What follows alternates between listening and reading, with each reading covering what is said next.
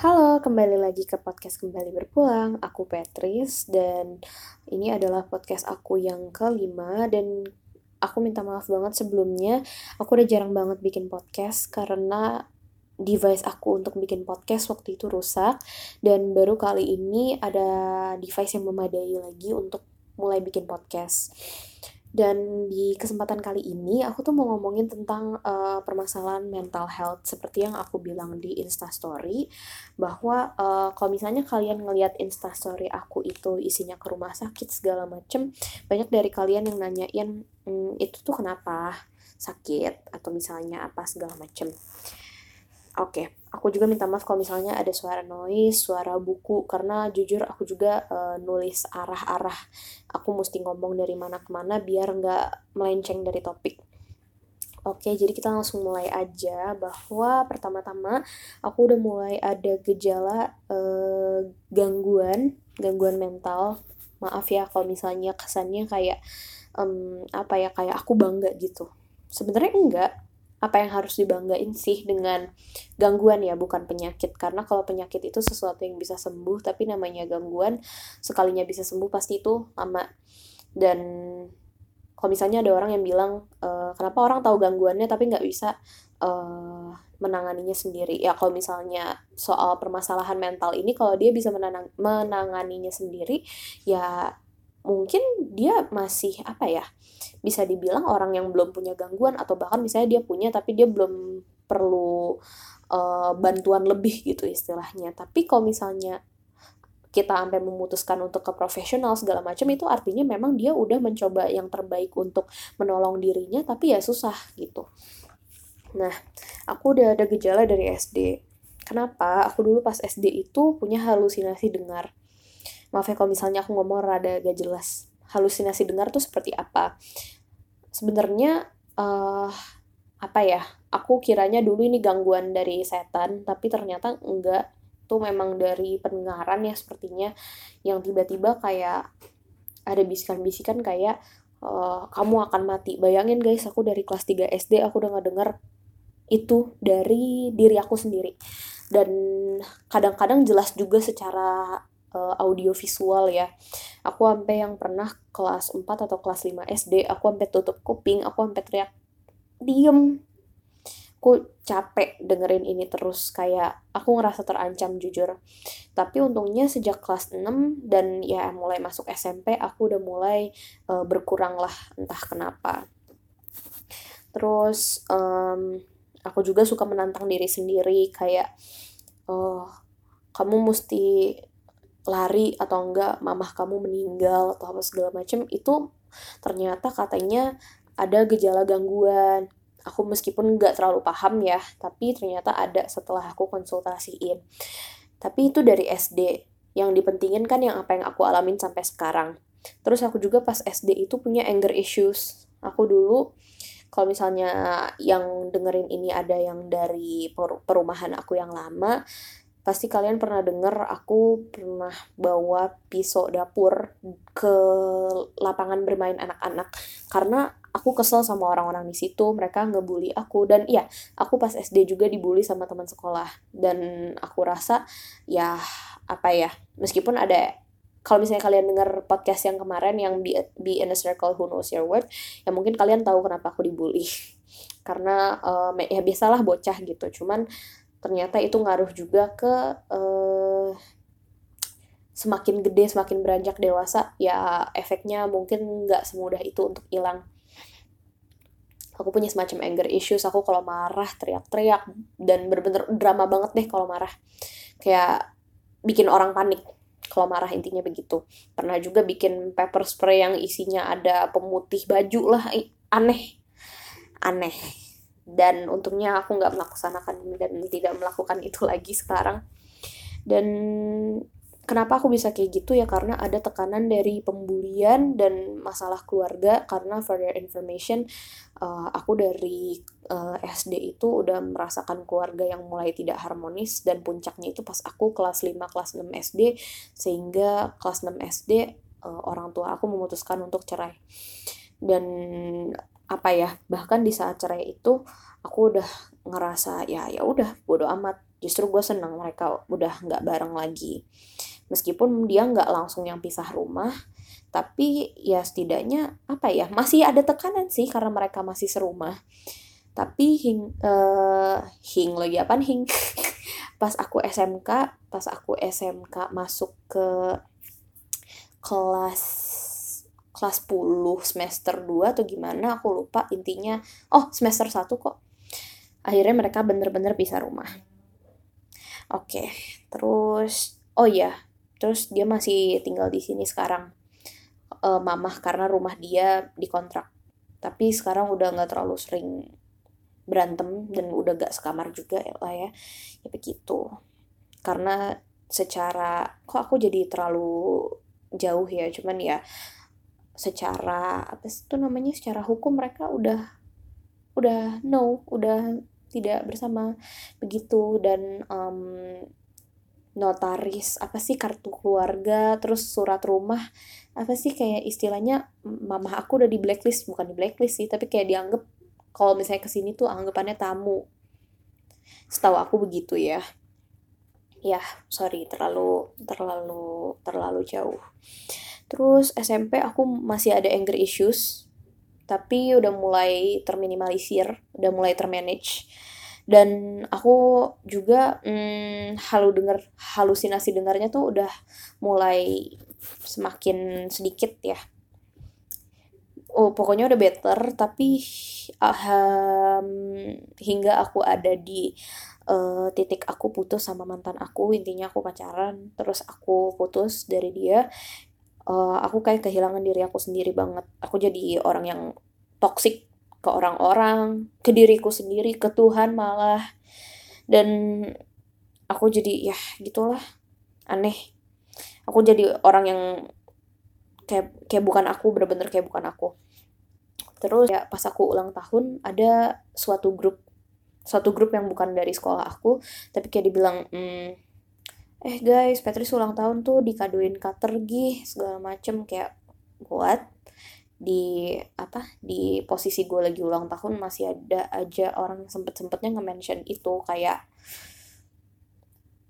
gak bisa ngomong apa apa sih. Cuman ya ya udah ikhlasin aja gitu kan. Aku jadi pernah juga minum obat gak jelas. Kayak bukan gak jelas sih kayak basically panadol obat-obat flu tapi aku kayak banyak-banyakin biar dengan tujuan aku bisa overdose tapi ya enggak juga. Enggak juga pada akhirnya. Aku enggak overdose. Kayak malah fungsi otak aku menurun dan aku jadi orang bego sampai aku diancem nggak naik kelas. Dan dibilang nggak punya prestasi jarang bayar SPP oh ya ini salah satu masalah juga. Masalah keuangan keluarga. Itu jadi tekanan aku juga. Terus um, ya sejak aku suka sama pacar aku yang sekarang yaitu Theo it, uh, itu udah sedikit demi sedikit uh, menyelamatkan hidup aku. Udah mulai nggak terlalu gimana banget. Meskipun trauma dan uh, apa yang sakit-sakit dari orang lainnya itu mungkin nggak nggak sampai situ gitu. Ada aja. Cuman ya my life is so much better. Udah semakin semakin baik lah istilahnya. Terus ya meskipun masih ada penolakan masih ada direndahin sama orang. Terus sejak aku masuk SMK uh, eh, aku fokus lomba dan ngejar prestasi.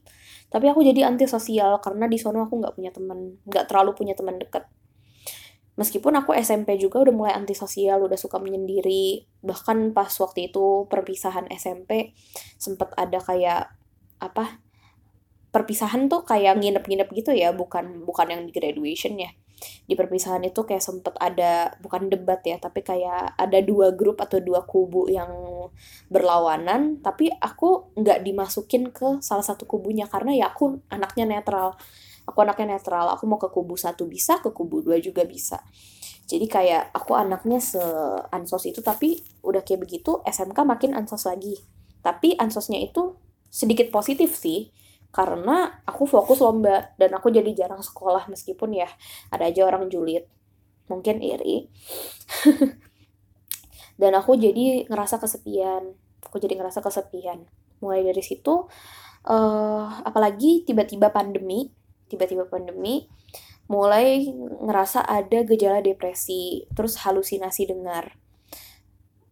Jujur uh, itu agak ngeganggu karena halusinasi dengarnya itu juga hampir mirip-mirip sama yang aku SD tapi karena aku udah dewasa sekarang itu uh, lebih kejam lagi kata-katanya. Kayak kamu gak berhak untuk hidup lah apa segala macam. Aku jadi orang yang pesimis mikirin yang negatif-negatif terus dan jujur itu ngeganggu aku banget. Kayak aku pengen hilang dari bumi. Sebentar boleh nggak sih?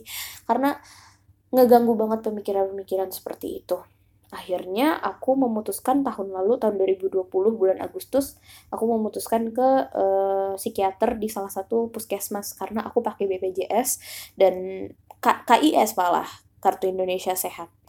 Aku nggak tahu itu kenapa bisa padahal aku bukan dari keluarga yang segak mampu itu kayak biasa aja. Tapi kayak tiba-tiba aku punya KIS mungkin karena kakek aku pernah jadi ketua RT mungkin dibikinin sama orang situ. Tapi kartu keluarga aku kan masih Jakarta. Sedangkan kalau misalnya kalian kenal aku ya aku kan sekarang tinggalnya di Sentul di Kabupaten Bogor. Jadi aku kalau misalnya mau ke Vaskes fasilitas kesehatan aku mesti ke Jakarta. Nah dari situ ya udah aku konsul. Aku konsul ke psikolog dulu pertamanya. Tapi karena udah mulai ada indikasi-indikasi gangguan jiwa aku dirujuk ke psikiater. Dan dari psikiater itu aku dikasih hari itu juga empat obat. Dan ada salah satu obat yang aku nggak perlu sebutin namanya apa takutnya malah menjadi inspirasi yang aneh-aneh. Yang harus pakai resep dokter pastinya itu obat untuk mood kalau nggak salah. Dan untuk halusinasi dengar juga kalau nggak salah. Um, itu nggak cocok sampai bener-bener aku tidur 16 jam aku masih sakit kepala puyeng kayak kayak teler kayak ngefly gitu guys. Tapi bukan ngefly yang menyenangkan sama sekali nggak menyenangkan. Aku nggak bisa ngapa-ngapain. Sedangkan ya mungkin ada sisi positifnya waktu itu pandemi dan aku belum magang belum apa. Jadi kayak aku belum terlalu ada kesibukan. Tapi itu tidurnya juga bukan tidur yang enak. Tidurnya tuh tidur kesiksa tidur keleyengan aku tidur dalam kondisi pusing, dalam kondisi kelayangan, dan aku tidur tuh ngorok kenceng banget. Padahal kalau misalnya uh, apa aku tuh ngorok sekalinya ngorok karena kecapean tuh kayak ngoroknya ngorok kecil tapi giliran efek obat ini ngoroknya jadi kayak kayak babi banget sumpah jadi ya akhirnya di stop obatnya ditarik sama psikiater aku terus akhirnya setelah kurang lebih hampir sebulan belum ada sebulan malah aku stop minum semua obat itu karena aku ngerasa gak ada perubahan. Gak ada perubahan ya karena memang dari akunya gak ada perubahan dari akunya yang memang gak ada motivasi untuk berubah. Aku mengandalkan obat-obat ini tapi aku sendiri gak mau improving. Tapi pada saat itu pemikiran aku adalah aku beneran sakit gak sih? Apa bener ya kata orang? Karena aku kan orangnya dengerin omongan orang banget ya jadi kayak misalnya ada yang bilang ih kamu emang ngapain sih ke psikiater minum-minum obat? Emang kamu kayak gitu ya? Ya aku dulu bodoh gitu. Aku dengerin apa omongan mereka. Kayak kan aku aku rasa semua beban kamu tuh belum seberapa gini gini gini. Ya pain tolerance orang beda-beda sih menurut aku gitu. Dan uh, tapi aku jadi ngerasa jadi ragu aja gitu. Aku nih beneran sakit emang sampai minum obat segininya. Sakitnya juga emang sakit apa gitu. Terus ngerasa gak ada beda juga. Terus tuh ya setelah aku stop aku makin parah. Bukan makin parah karena ketergantungan tapi aku ngerasa ya karena aku gak ada support sama sekali dari uh, diri aku sendiri lebih tepatnya aku jadi makin Oke, jadi aku uh, ngelanjutin yang tadi ya. Berhenti karena ada azan maghrib. Intinya yang tadi aku bilang, aku malah makin parah bukan karena ketergantungan obat, tapi uh, aku ngerasa aku gak terdevelop, bahkan dari diri aku sendiri pun enggak. Jadi mulai ada gejala gangguan cemas dan panic attack dan itu semua makin parah sejak aku magang di hotel karena sejak magang di hotel itu kan prioritas aku terbagi lagi. Yang tadinya aku udah berat di kehidupan pribadi, udah berat di tanggung jawab di sekolah karena aku megang megang apa? megang bukan organisasi ya, lebih tepatnya ya kelompok lah istilahnya. Terus aku juga banyak tanggung jawab di lomba. Intinya kalau ditambah lagi sama magang ini uh, pokoknya sejak aku magang ini penurunan kesehatan mental aku itu drastis banget. Sehingga ya aku jadi banyak mood swing mood swingnya parah banget. Dan contoh nyatanya adalah ketika bikin podcast ini. Terus ya gak gampang lah. Waktu itu pernah bikin video lomba juga kayak sempet cemas dan panik. Karena aku soal karya tuh perfeksionis dan maaf ini ada suara cuci piring. Karena papa aku lagi cuci piring dan suaranya kadang suka bocor. Dan aku nggak tahu bocornya sejauh mana. Maaf ya. Bentar. Oke ngelanjutin yang tadi. Maaf ya aku mood swing lagi karena dengar suara cuci piring. Ya oke. Okay. uh, Aku juga jadi suka uh, suka kambuh di hotel. Dan terakhir aku kambuh itu aku hampir melakukan percobaan bunuh diri di office aku karena aku magang di Human Resource Department di HRD. Jadi kantoran gitu konsepnya. Bukan konsepnya sih memang ya secara secara naturalnya memang begitu. Dan untungnya ditolong sama orang-orang sekitar di hotel karena banyak pikiran dan salah satunya masalah kayak keuangan, masalah sama diri aku sendiri. Pokoknya banyak deh banyak pikiran banget. Tapi segitu aja masih ada orang yang nganggep aku tuh ngerepotin dengan aku mental breakdown, aku kambuh segala macam itu tuh ngerepotin. Pokoknya ya sejak saat itu aku udah ngerasa gak beres banget. Dan aku juga yang sampai kayak apa lagi jaga jaga buffet jaga makanan di wedding ngasih-ngasihin makanan ke orang di wedding orang aku sampai nangis tiba-tiba nggak tahu kenapa. Mungkin ada beberapa kali yang uh, tahu juga kenapa tapi kayak itu kayak cuma trigger yang kecil aja tapi bisa menyebabkan aku nangis-nangis di depan orang dan sampai pukul-pukul kepala sampai aku diamanin. Sampai ada yang bener-bener kayak ngerangkul aku maksa aku untuk ke tempat uh, lain. Biar nggak melakukan itu depan orang. Dan ya aku jadi overthinking juga. Apakah dengan itu aku jadi ngerepotin kah? Apakah dengan itu aku jadi ya. Tapi yang aku dapetin ketika orang bilang aku ngerepotin adalah ya aku um, mereka cuma peduli kalau itu terjadi di tempat yang ada merekanya tapi mereka nggak peduli kalau misalnya itu terjadi di tempat lain jadi mereka cuma per, cuma peduli sama lokasi di mana aku melakukannya tapi bukan sama apa yang aku lakukan intinya begitu. Tapi aku nggak berharap lebih juga sih sama mereka.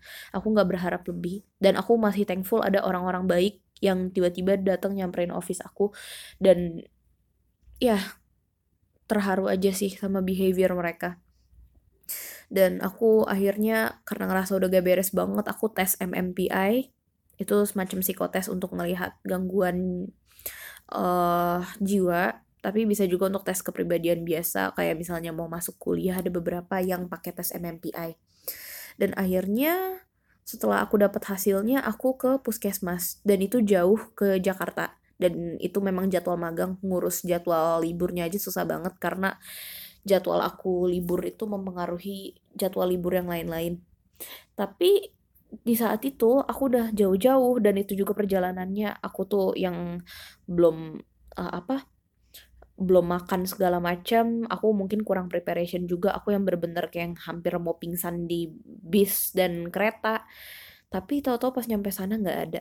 Karena aku teleponin puskesmasnya juga nggak ada yang ngangkat gitu-gitu. Karena ya ada faktor uh, apa salah dari mereka juga nggak ngangkat telepon aku. Jadi aku nggak tahu bahwa pada saat itu ya aku datangnya nggak sore-sore banget. Padahal eh totonya mereka bilangnya mereka udah pulang. Dan ya aku nangis-nangis di situ. Aku nangis-nangis untungnya ada orang baik yang malah ngerangkul aku. Terus malah bilang ya udah besok ke sini lagi aja ya gitu. Pokoknya kayak kayak anak kecil banget nih. Terus besokannya aku datang lagi dan konsul lagi. Dan itu si si psikiater yang berbeda daripada yang terakhir kayak udah ada orang baru gitu. Dan aku dirujuk ke rumah sakit Columbia Asia Pulau Mas which is itu deket sama sekolah lama aku di Don Bosco 2 dan setahu aku itu rumah sakit tingkat internasional ya. Itu rumah sakit bagus Dan kenapa aku dirujuk ke sana? Karena katanya aku butuh dokter spesialis kejiwaan yang lebih kompeten, yang lebih bisa nanganin aku. Dan ada obat atau treatment untuk aku yang seharusnya aku dapetin tapi eh, nggak uh, ada di puskesmas itu. Kayak kurang kompatibel istilahnya begitu. Dan ya dari situ aku dikasih surat rujukan ke rumah sakit Kolombia tapi kalau misalnya aku dikasih jarak berapa hari aku dikasih obat untuk uh, apa ya untuk sementara gitu loh untuk pertolongan sementara. Aku dikasih obat sekitar dua atau tiga jenis. Akhirnya uh, pulang dari situ atau ya pulang dari situ aku ke sana untuk ngurus jadwal rujukan karena nggak bisa langsung berobat juga. Dan sekitar 10 hari ke 10 hari setelahnya atau berapa hari lah kayaknya sekitar 10 uh, aku memutuskan untuk ke sana lagi. Bukan memutuskan ya memang jadwalnya segitu. Maaf ya ada suara piring jatuh. Sabar. Aku ke sana lagi untuk konsultasi. Dan di saat aku konsultasi ada dokter namanya dokter Mirza. Dokter Mirza kalau misalnya kalian tahu atau misalnya kalian mau ke psikiater di daerah Jakarta yang orangnya terjamin baik banget please ke dia karena jujur itu adalah psikiater pertama yang bisa bikin aku nangis nangis nangis nangis yang bener kayak terus keluar dari ruang konsulnya aku masih baik banget nggak paham. Dan dia paham aku banget. Dan pas banget hari itu aku ada masalah sama orang. Dan pada saat itu ya untungnya aku punya papa yang dia suportif meskipun aku nggak terlalu deket yang gimana banget sama papa aku tapi pada saat itu papa aku melindungi aku dan dia bikin aku tenang meskipun nggak sepenuhnya tenang. Dan oke okay, dari situ dari rumah sakit Kolombia Asia aku itu dirujuk lagi ke rumah sakit Cipto Mangunkusumo yang di Salemba deket uh, eh, FKUI dan kenapa dirujuk? Aku udah kaget banget nih kenapa aku udah uh, pindah ke tiga rumah sakit. Ya yang ke RSCM baru kehitung tiga sih. Karena obat yang aku butuh nggak ada. Karena obat yang aku butuh nggak ada. Padahal aku udah nyaman banget sama psikiaternya dan jujur ya aku udah agak capek untuk menceritakan kisah hidup aku dari awal ke orang yang baru. Tapi ya mau gimana? Dan dibilangnya di RSCM ya kamu uh, akan terus terapi di situ segala macam. Jadi aku udah lumayan tenang juga. Dan karena surat rujukan aku juga masih berumur tiga bulan jadi aku bisa uh, rawat jalan terus di RSCM selama tiga bulan gitu. Dan entah gimana tiba-tiba pacar aku sakit-sakitan. Tiba-tiba pacar aku Theo dia tiba-tiba sakit-sakitan. Dia uh, Hmm, itu di hari berikutnya sih, di hari berikut-berikutnya tiba-tiba dia sakit. Dia sakit, sakit yang bener-bener kayak jarang komunikasi, padahal di situ aku lagi butuh dukungan banget. Oh iya, ini uh, aku mau ngasih tahu uh, hal yang eksklusif yang mungkin uh, belum berani aku sebut-sebut di Instastory dan lain-lain bahwa pada akhirnya aku didiagnosa ini nih, aku didiagnosa dua. Yang pertama juga campuran. Yang pertama adalah uh, bipolar affective disorder mix mix depressive episode. Jadi itu ya seperti bipolar, seperti bipolar yang memang bipolar, bipolar tapi uh, dia lebih merujuk ke yang fase depresifnya. Karena kan di, uh, apa? Bipolar itu ada yang uh, mengarahnya lebih ke bahagianya, ada yang lebih ke uh, pokoknya efek bipolar ke orang-orang tuh beda-beda jadi kayak ada yang lebih condong ke bahagianya ada yang lebih condong ke sedihnya tapi aku lebih condong ke depresifnya. Itu yang sedih. Terus yang kedua adalah border borderline borderline personality disorder. Jadi aku punya gangguan kepribadian ambang. Labil tapi bukan labil yang labil baperan tapi labil yang bener-bener kayak eh aku mau ini ah eh tiba-tiba ini. Jadi itu mengganggu keseharian aku jujur itu mengganggu aku dalam membuat suatu keputusan. Dan kadang-kadang ya terlalu gampang membuat keputusan yang akhir-akhirnya aku nyesel. Tapi mulai sekarang udah udah nggak terlalu sih. Kalau borderline personality disorder juga kalau di aku mengaruh ke aku mirroring sama orang. Jadi aku bener-bener bisa yang sampai hmm, apa ya di meskipun nggak nggak nggak terlalu gimana banget ya cuman aku bisa menyesuaikan menyesuaikan diri tapi menyesuaikan dirinya tuh yang sampai kayak aku kayak punya beberapa kepribadian istilahnya gitu tapi bukan kepribadian ganda ya tapi yang pada intinya ya gue bisa mirroring mirroring banget sama mereka istilahnya begitu. Nah itu dua diagnosa gue aku gue aku yang mungkin belum pernah aku mention di first account. Jadi mungkin kalian yang denger dari uh, podcast ini kalian adalah orang yang beruntung. Terus ya tapi lagi-lagi nggak ada unsur membanggakan sama sekali. Dan ngapain bangga gila itu disorder. Itu disorder itu sesuatu yang I'm suffering dan aku berharap itu nggak ada. Dan justru aku kaget kenapa kenapa bipolar, kenapa borderline personality disorder. Kalau borderline personality disorder itu aku uh, nyangka sih, tapi bukan self diagnose karena aku ngelihat hasil tes MMPI aku memang ada scoring yang mengarah ke uh, gejala borderline personality disorder tapi kayak nggak terlalu aku pikirin dan aku nggak terlalu paham juga BPD itu apa borderline personality disorder itu apa. Tapi yang aku nggak nyangka kenapa bipolar. I thought it was like schizophrenia karena aku ada halusinasi dengar or just simply depression atau major depressive disorder atau anxiety. Eh tahu taunya bipolar Ih, ini kenapa lagi sih ada suara piring lagi? Aduh cukup dong. Dan maaf ya guys kalau misalnya ada suara piring please maaf banget. Dan maaf banget maaf banget please maaf. Maaf ya. Iya. Oke, maaf banget ya. Aku jadi gedek banget. Tapi gak apa-apa, aku jadi yang kayak pengen punya safe place sendiri yang gak ada gangguan apa-apa. Biar aku bisa lancar gitu loh. maaf ya jadi terpengaruh ke kalian juga. Oke, singkat cerita pacar aku tiba-tiba kena DBD setelah yang sakit-sakit itu. Untung dia langsung dibawa ke rumah sakit karena dia panas tinggi banget. Tapi aku butuh seseorang untuk ngomong aku butuh seseorang yang bisa aku hubungin di saat aku kambuh, di saat aku butuh cerita apa-apa. Dan memang pada saat itu cowok aku masih bela-belain, masih sempet-sempetnya misalnya megang HP untuk ngechat aku. Tapi sekalinya ngechat juga aku yang jadi kayak, aku pengen marah-marah, aku pengen ngeluapin emosi aku. Tapi aku sadar dia lagi sakit. Akhirnya aku mendem. Akhirnya aku mendem.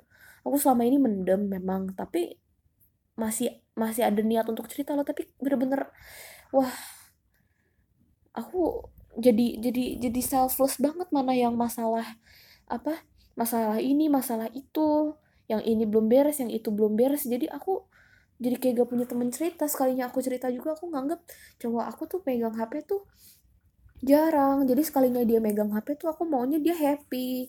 Aku maunya dia ngobrol sama aku ngobrolin keseharian aku. Tapi aku nggak bisa. Aku ngerasa kayak aku aku kurang baik. Aku ngerasa kayak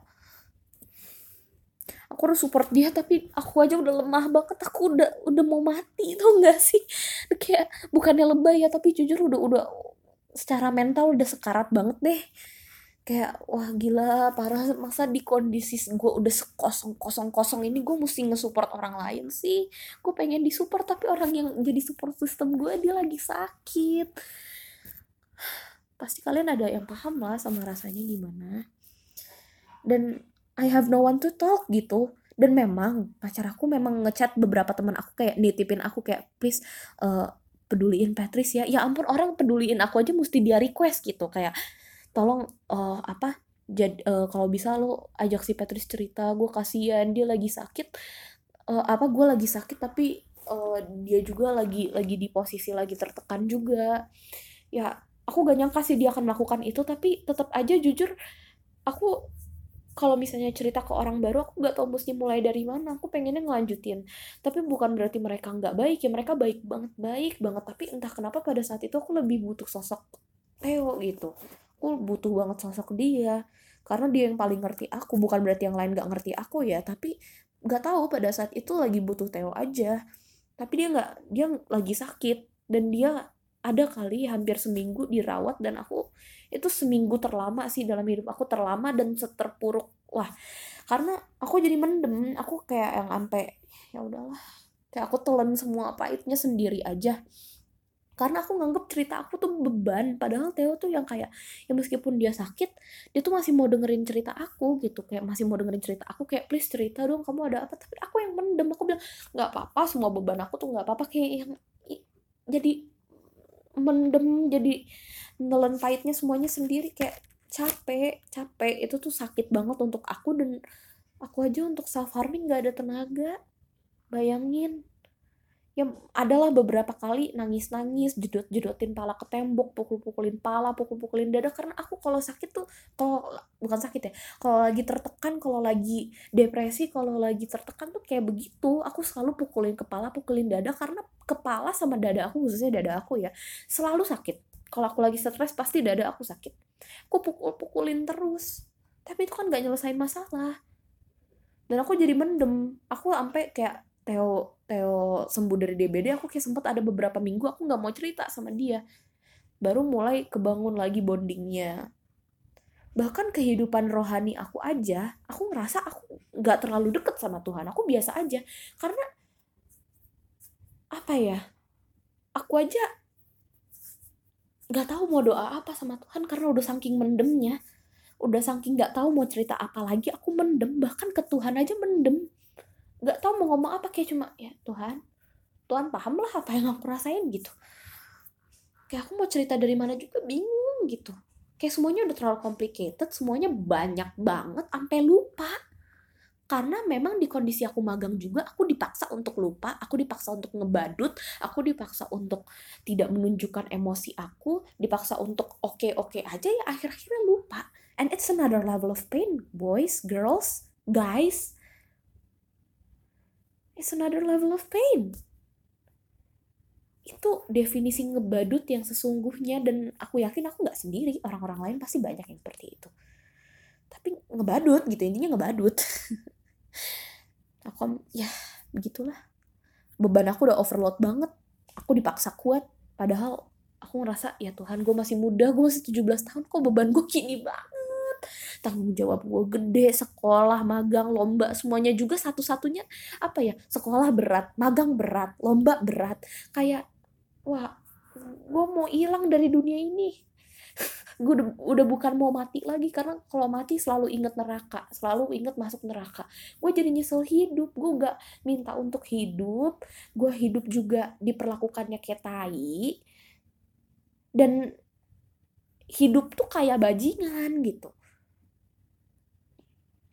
gue jadi ngerasa semuanya berat. Gue jadi sampai mikir kayak gue nanti apa jangan punya anak ya? Takutnya anak gue ngerasain apa yang gue rasain.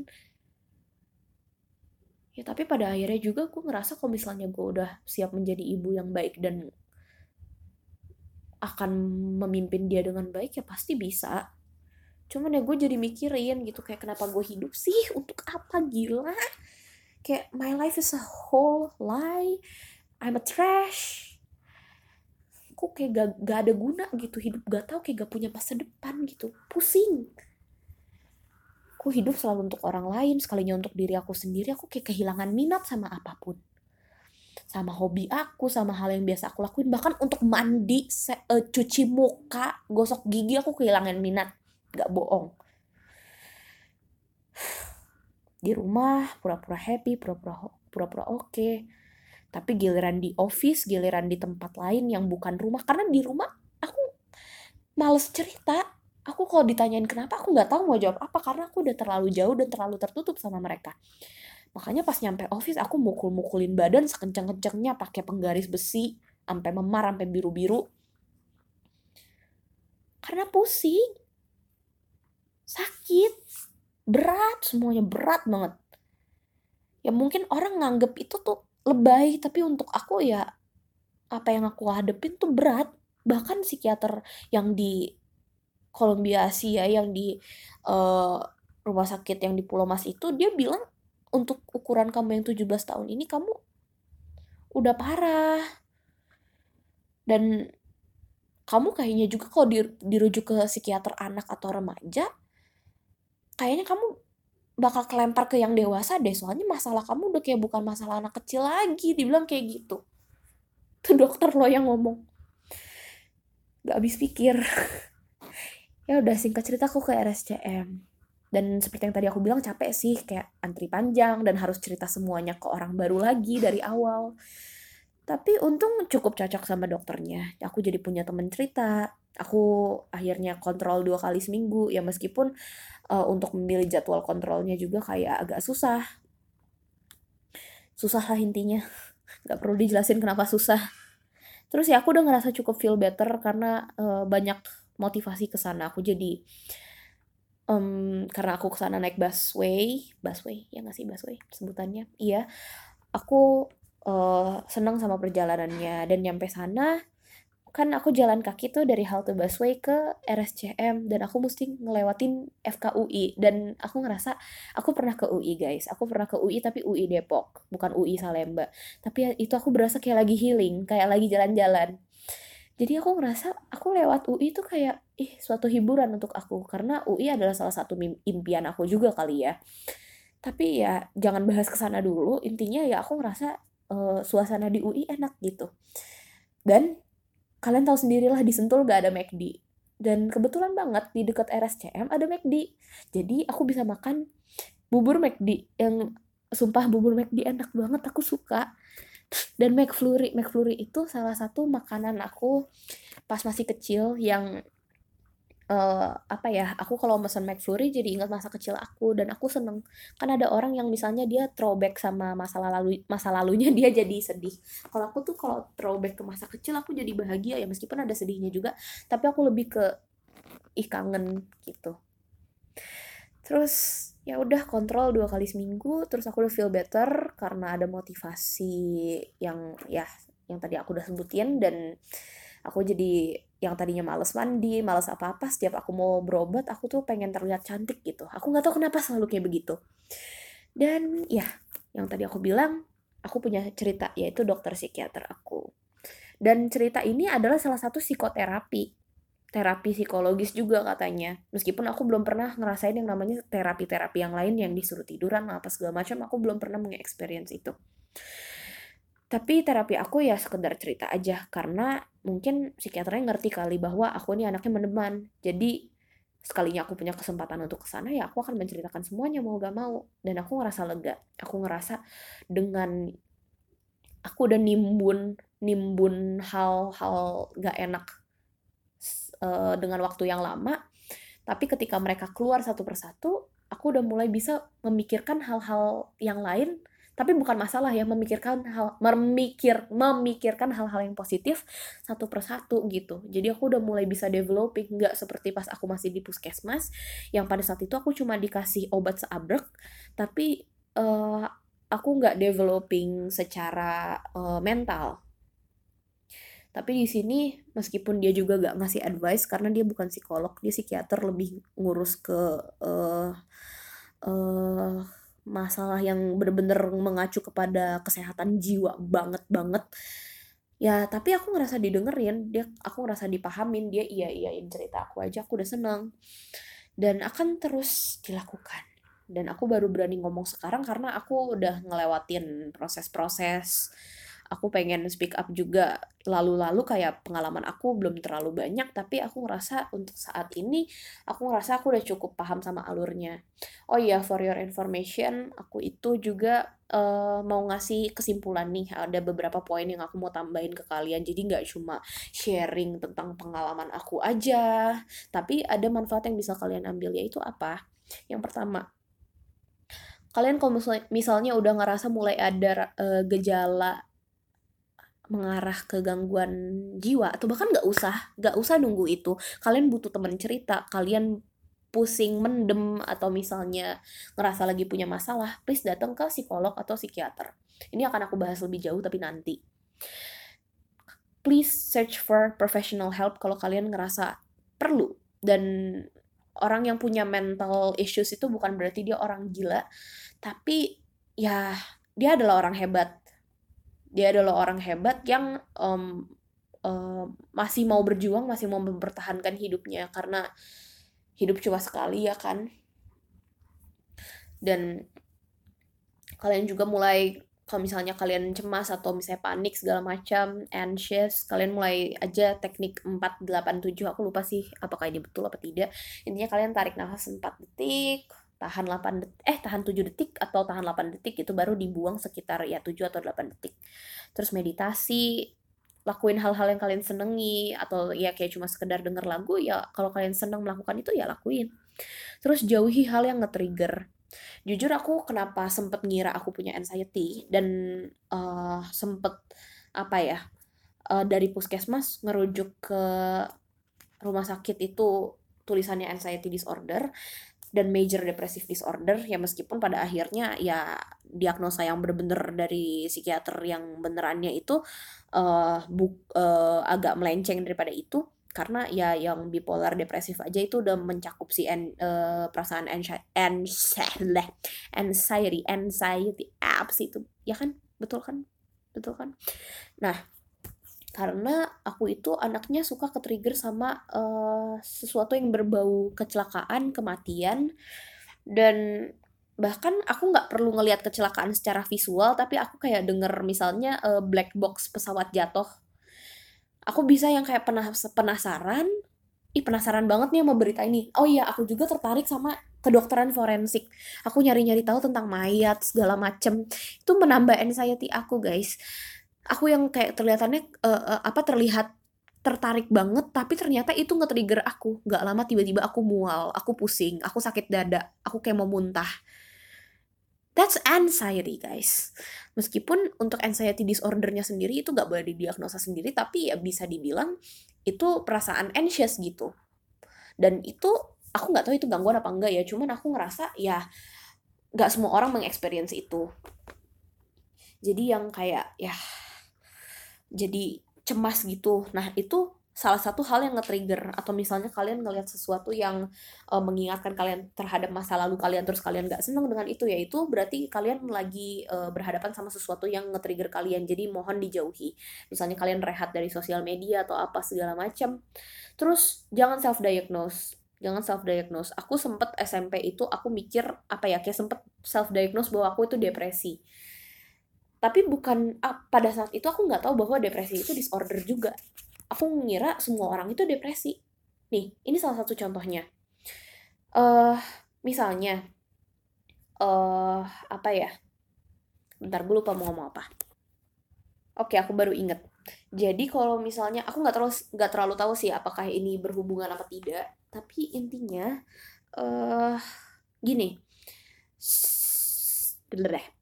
Kalau misalnya uh, kalian bilang ke psikiater gitu misalnya kalian lagi konsul konsul terus ditanyain e, kamu pernah kepikiran untuk bunuh diri nggak? Terus kamu jawab ah cuma kadang-kadang doang kok masih normal kan itu dok. Nah kalian menyangka bahwa itu hal normal tapi ternyata di ilmu kalau nggak salah psikologi apa psikiatri ya intinya lo mikir untuk bunuh diri aja itu udah gak beres lo mikir sedikit aja tentang bunuh diri itu tuh udah gak beres. Tapi lo kira itu normal. Ada aja pikiran kayak gitu. Nah itu adalah psikologis psikologi atau uh, apa ya pemikiran gue pada saat itu pas gue masih SMP bahwa depresi itu normal. Depresi itu semua orang pasti ngalamin tapi ternyata depresi itu uh, tetap aja mesti didiagnosa guys. Jadi dulu gue menyebut bahwa gue depresi tapi bukan gue expose ke orang-orang ya. Tapi kalau misalnya waktu itu ada uh, Kak Angel. Kak Angel dia adalah uh, uh, kakaknya kakak sepupunya temen aku. Gimana sih? Ya kakaknya temen aku juga. Pokoknya ya uh, dia itu mahasiswa psikologi dan dia ada tugas kayaknya tugas untuk nge-interview atau ya nulis tentang penelitian-penelitian gitu atau gimana deh? Aku lupa intinya ya dia nanya-nanyain aku terus ya apa yang kamu uh, apa ya dia nanya apa lupa intinya aku jawab aku ngerasa depresi gitu. Ba uh, baru di situ aku ngerasa disinggung ya bukan tersinggung disinggung bahwa kayak uh, kamu tahu dari mana kamu depresi? gitu. Kamu tahu dari mana kamu depresi? Ya aku ngerasa aja sendiri gitu. Dan aku ternyata baru sadar yaitu uh, bahwa ya ya ya depresi itu bukan bukan sesuatu yang bisa lo diagnosa sendiri. Nah itu salah satu contohnya. Dan ada satu kasus lagi yang gue gedek banget gue gedek banget parah. Bahwa uh, ini. Bahwa ada satu anak cewek kayaknya dia itu hungers bengek hungers seperti itu dia self diagnose pakai Google. Bahwa ya uh, apa guys aku kena bipolar guys. Karena aku ngerasa aku tuh moody banget guys. Aku cari di Google terus aku ikut psikotes online terus aku uh, bipolar guys. Kayak pengen gue geplak ah! Kayak hey gue yang bipolar beneran gue mau nangis dengernya gue yang ah gue yang beneran bipolar aja gue pengen keluar dari sini tahu nggak sih tapi lo dengan bangganya ih biar apa sih? Gak ada keren-kerennya sumpah. Lo kayak ngomong kayak gitu di depan orang yang lagi kemoterapi untuk kanker sedangkan lo malah pengen kanker. Kayak gue capek banget. Kayak gak segampang itu untuk nih kalian yang kalian harus tahu adalah ngediagnosa penyakit mental itu gak semudah yang kalian kira. Seperti yang tadi gue bilang uh, untuk ngediagnosa penyakit mental gue mesti ikut uh, psikotes bernama tes MMPI dan tes MMPI itu 567 soal kalau nggak salah. Bayangin. Bayangin itu. Lu kerjain itu semua. Terus belum belum sampai situ. Gak cuma dari psikotes itu lo bisa dinilai lo begini begini begini. Lo mesti konsul. Lo mesti konsul. Dan konsulnya gak cuma sekali. Jadi gak sesimpel itu ngediagnosisnya. Aduh bengek hiungers gitu kan oh iya terus ada salah satu hal juga yang mau aku edukasikan bahwa uh, ada bercanda beberapa bercandaan yang sebenarnya nggak pantas untuk uh, kalian bercandain yaitu pertama tentang obat-obatan yang kedua tentang kena mental. Yang pertama yaitu tentang obat-obatan. Misalnya contoh bercandanya seperti ini kayak uh, ayo uh, kamu uh, kayaknya uh, obatnya habis nih, obatnya habis nih, hahaha, kelakuannya gila atau uh, bukan. Misalnya kalian ngelihat sesuatu atau teman kalian ngelakuin suatu behavior yang menurut kalian gak normal terus dibilang ih obatnya habis atau ih minum obat gih minum obat. Jujur itu sangat gak sangat sih tergantung orangnya. Cuman menyerang itu tuh menyerang orang yang memang beneran minum obat untuk uh, kesehatan mentalnya. Karena yang namanya gangguan ada beberapa penyakit atau gangguan mental yang nggak bisa hilang seumur hidup. Dan salah satunya adalah yang saya alami skala, uh, sekarang ini yaitu bipolar dan borderline personality disorder itu seumur hidup gak bisa hilang. Kita cuma berupaya untuk menormalisasi. Bukan menormalisasi tapi uh, biar bisa kembali ke skala yang normal aja. Biar tetap bisa apa ya sewaktu-waktu pasti akan kambuh lagi tapi kita udah tahu caranya. Itu yang kita lakuin sekarang pengobatan yang kita lakuin itu untuk uh, menormalkan. Tapi dengan bercandaan obat-obatanmu itu itu sama sekali tidak lucu. Karena itu nyerang. Apalagi kalau misalnya uh, berobatnya itu uh, pakai duit sendiri atau duit orang tua karena obat-obat psikiatri itu mahal. Please. Please. Oh iya mau sedikit cerita bahwa uh, uh, apa ya aku sempet diresepin obat aripiprazol aripiprazol itu namanya kalau nggak salah ah, apa sih itu? Lupa. Intinya kurang lebih begitu kalau misalnya salah maaf.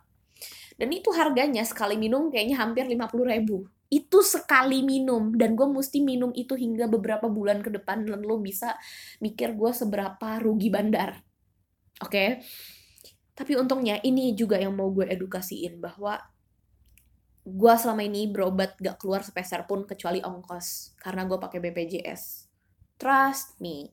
Oke jadi ya nanti kalau misalnya kalian udah ke puskesmas yang uh, ada psikiaternya terus kalian dirujuk ke rumah sakit pergunakanlah surat rujukan tersebut selama tiga bulan sebaik-baiknya. Terus kalau misalnya kalian udah rawat jalan tetap di situ kalian ya bisa ngurus ke BPJS-nya atau kalau misalnya memang kartunya memang yang versi level terlalu bukan terlalu ya versi yang agak rendah kalian bisa ya tiga bulan sekali balik ke vaskes utama kalian untuk ngurus surat rujukan yang baru. Karena satu surat rujukan berlaku hingga tiga bulan. Jadi gak ada alasan lagi kalian gak berobat karena gak punya uang. Karena ya psikiater udah di cover oleh BPJS, jadi tenang aja. Terus, um, lanjut ke yang tadi. Yang pertama, jokes tentang obat-obatan, please stop.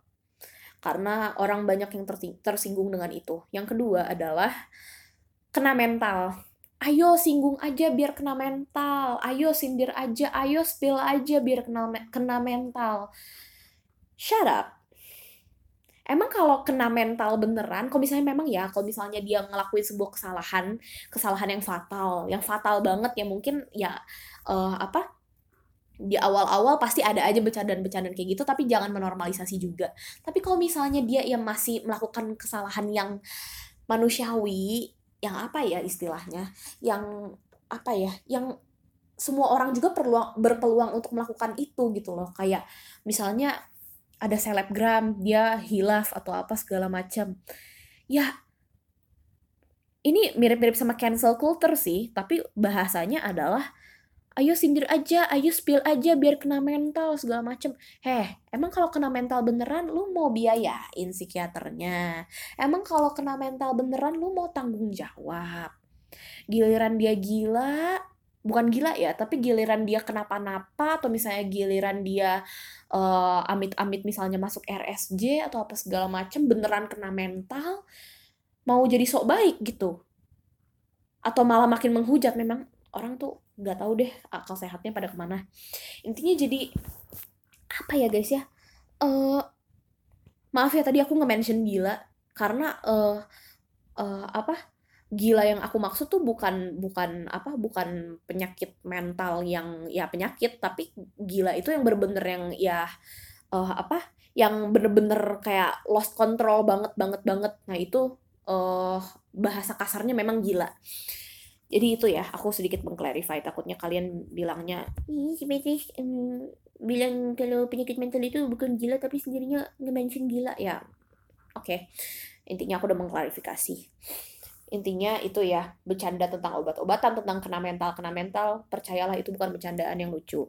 Terus uh, kalian harus punya teman cerita yang kalian nyaman. Tapi sekalinya nggak ada kalian bisalah sisihin duit jajan kalian untuk konsul ke psikiater atau psikolog. Tapi kalau misalnya yang di rumah sakit atau di biro konsultasi itu terlalu mahal kalian bisa pakai aplikasi Halodoc karena aku juga sempet beberapa kali di situ dan asal kalian pinter-pinter milihnya dan kalau kalian udah pilih satu yang pas dan udah nyoba ternyata pas ya udah ke depannya sama dia aja terus daripada gonta-ganti orang. Nggak apa-apa nunggu jadwal yang penting sama orang tepat daripada lo ngeluarin duit baru untuk waktu yang lo mau tapi orangnya nggak tepat untuk lo. Karena gue juga udah pernah ngerasain.